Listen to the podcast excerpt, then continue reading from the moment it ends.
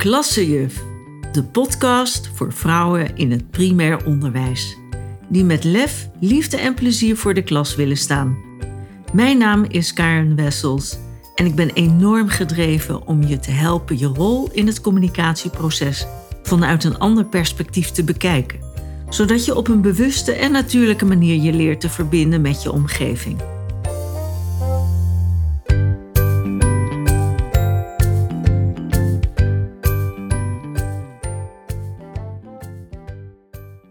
Hallo, welkom weer bij deze korte inspiratiereeks. En vandaag hebben we het over kinderen. En over spreken vanuit je hart. Weet je, het leuke aan jonge kinderen vind ik dat ze helemaal zichzelf zijn en zich niet anders voordoen dan ze zich voelen. Hebben ze geen zin in contact met je? Nou, dan laten ze dat duidelijk merken door gewoon niet op je te reageren of door iets anders te gaan doen. Dat laat aan duidelijkheid niets te wensen over. Naarmate je ouder wordt, dan leer je wel te reageren eh, of op zijn minst antwoord te geven wanneer je iets gevraagd wordt. Eenmaal volwassen ben je zo geconditioneerd dat je het niet meer beter weet. Je doet dan datgene wat je is geleerd op zich geen probleem, zou je zeggen. Maar dat kan soms best ver gaan. Je herkent vast wel de situatie dat je iets tegen je zin in doet en liever iets anders wil doen. Je doet het dus met tegenzin, maar voor de goede lieve vrede. Althans, dat denk je. Maar het gaat wel ten koste van jou. Alleen ben je dat niet zo, of misschien wel helemaal niet bewust. Vanuit onze cultuur ben je gewend vooral te doen en te spreken vanuit jouw denken. Je bent verleerd hoe je vanuit je hart kunt leven, zoals je deed toen je nog jong was. Gevolg is dat je dingen doet omdat je dat inmiddels gewend bent te doen, of omdat je denkt dat anderen dit van je verwachten. Zo ga je tegen je gevoel in en daarmee tegen jezelf in. Misschien vraag je je af Waarom is dit zo belangrijk om vanuit je hart te leren spreken en leven?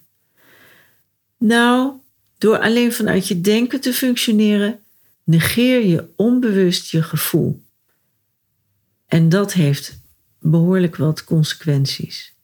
Want hierdoor kun je je op den duur leeg voelen, vermoeid, chagrijnig of zelfs overspannen. Misschien herken je het wel. Belangrijk dus om hierin goed voor jezelf te leren zorgen, zodat je niet continu bij jezelf vandaan raakt en over je grenzen gaat. De kunst is dus om bewust te luisteren naar je gevoel, naar je hart en zo te weten wat je wel of niet kunt of wilt doen. Wanneer je spreekt vanuit je gevoel, dan speel je geen rol, maar spreek je vanuit je ware zelf. En dan is wat je zegt of doet nooit verkeerd. Want een gevoel is subjectief. Maar misschien nog wel belangrijker, een gevoel is uniek. Maar hoe kom je nou dichter bij je gevoel, vraag je misschien af. Om dicht bij je gevoel te komen is het belangrijk dat je ook weer naar je lichaam leert luisteren. En naar je lichaam luisteren kun je alleen wanneer je in staat van rust en totale ontspanning bent. Pas dan is het mogelijk om jouw hart te horen spreken. Dit is niet op de toekomst of op het verleden gericht, maar heel erg in het moment zelf.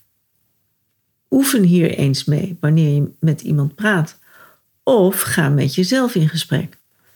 Probeer daarbij vanuit je glimlachende hart, jawel, aanwezig te zijn. Jouw denken is niet een eindstation, maar het is een ingang om dieper in jezelf te gaan.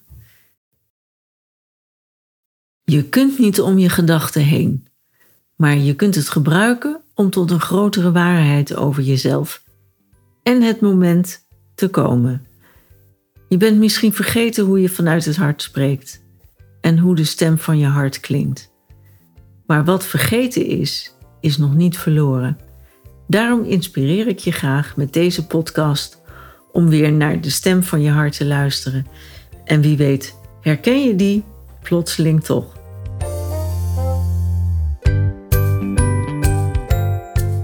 Dank voor je aandacht. Wil je geen aflevering meer missen? Abonneer je dan op de podcast in je favoriete podcast-app. Meer weten? Kijk dan tussen de show notes van deze aflevering. Graag tot de volgende keer.